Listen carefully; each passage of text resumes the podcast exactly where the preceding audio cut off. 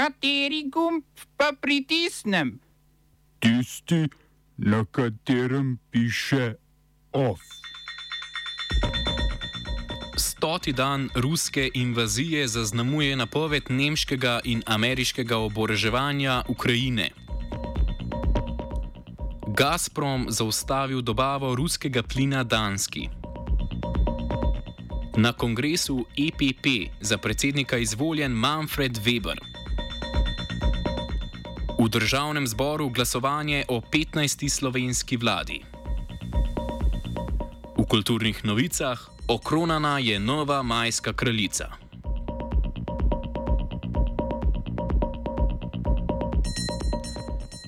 Mineva 100 dni ruske invazije na Ukrajino, ki se ji obeta nadaljne oboroževanje zahodnih zaveznic. Nemški kancler Olaf Scholz je v parlamentu napovedal, da bo nemška vojska ukrajinski dobavila najsodobnejši sistem protiletalske obrambe, kar jih premore nemška vojska, to je Aris-T. IRIS-T, pardon. Obenem bo Nemčija Ukrajini zagotovila sledilni radar, ki zazna topništvo večnamenske rakete. V začetku maja je Bundestag izglasoval sklep o pošiljanju težkega orožja, ki je pomenil precejšen obrat v politiki tako imenovane semaforske koalicije do posredovanja v vojni v Ukrajini. Tej je na podlagi omenjenega sklepa namenjenih tudi 50 protiletalskih sistemov tipa Gepard in 7 samohodnih haubic, vendar to orožje še ni prispelo na cilj.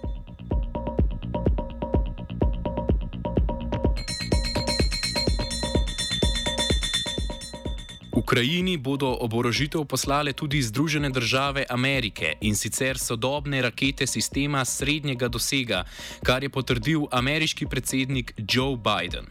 Z njimi bi ukrajinska vojska lahko dosegla cilje v radiju približno 70 km. Uporabljala naj bi jih predvsem v Donbasu, kjer je ruska vojska v zadnjih tednih najbolj okrepila svojo ofenzivo. Poleg raketnih sistemov srednjega dosega, za uporabo katerih se bodo, se bodo morali pripadniki ukrajinske vojske še izučiti, bodo ZDA Ukrajini dostavile še več protitankovskih raket Javelin, oklepna vozila, helikopterje in različne rezervne dele. Gre za enajsti svežen ameriške vojaške pomoči in prvi iz 37 milijard evrov vrednega zakona, ki ga je pred dvema tednoma potrdil ameriški kongres. Na ameriško oboroževanje Ukrajine se je odzval tiskovni predstavnik Kremla Dimitrij Peskov, ki je dejal, da nova dobava orožja povečuje tveganje, da bi se ZDA znašle v neposrednem konfliktu z Rusijo.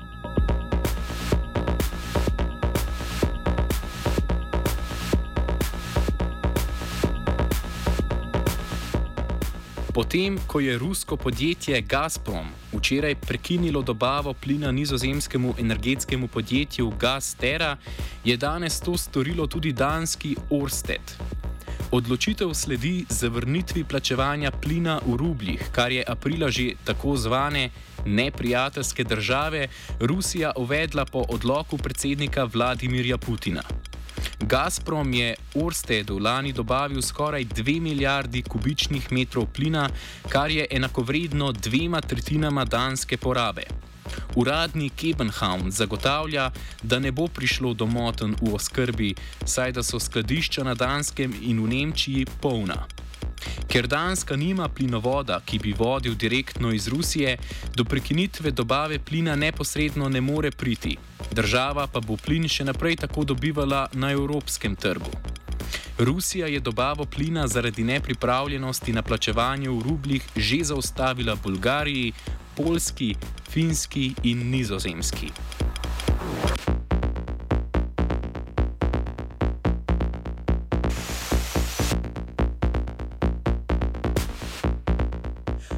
Poslanci libanonskega parlamenta so na konstitutivni seji za svojega predsednika ponovno, že sedmič zapored, izvolili Nabiha Berija. Nabija Beriha, ki to funkcijo zaseda od leta 1992.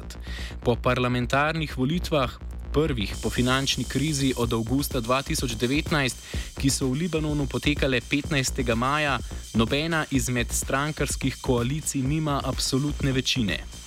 Hezbolahu skupaj s političnimi zavezniki do te v 128-članskem parlamentu zmanjkajo štirje glasovi. Imajo jih namreč 61. Berry je na glasovanju prejel 65 glasov, torej ravno dovolj za izvolitev, vendar najmanj v treh desetletjih. 23 glasovnic je bilo praznih, 40 neveljavnih. Kot vodja šiitskega gibanja Amal, ki je blizu Hezbolahu, se Berry za položaj predsednika parlamenta vedno poteguje brez protikandidatov. V skladu z dogovorom o delitvi oblasti je ta v Libanonu vedno namenjena šiitu, premijer je sunit, predsednik države pa maronit.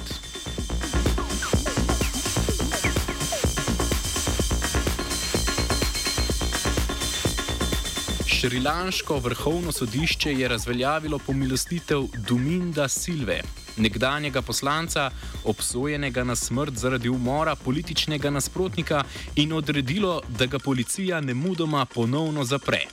Tričlanski sodniški senat je o, preced, o precedenčni zadevi odločal, potem ko je hči Barta Lakšmana ki so ga Silva in njegovi podporniki 8. oktober 2011 v prestolnici Kolombo ubili v streljanju, uložila zahtevo po presoji pomilostitve.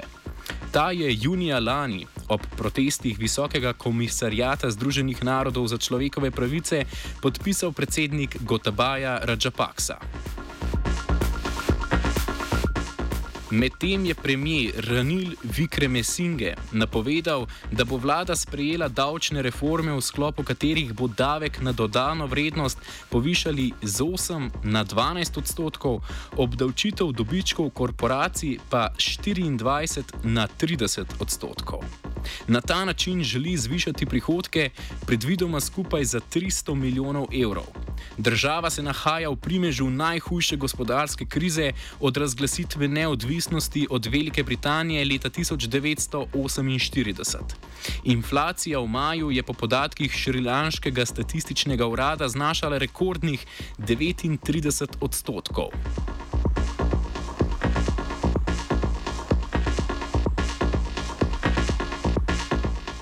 Na kongresu Evropske ljudske stranke, krajše EPP, v Rotterdamu je bil za novega predsednika izvoljen Nemec Manfred Weber, sicer edini kandidat.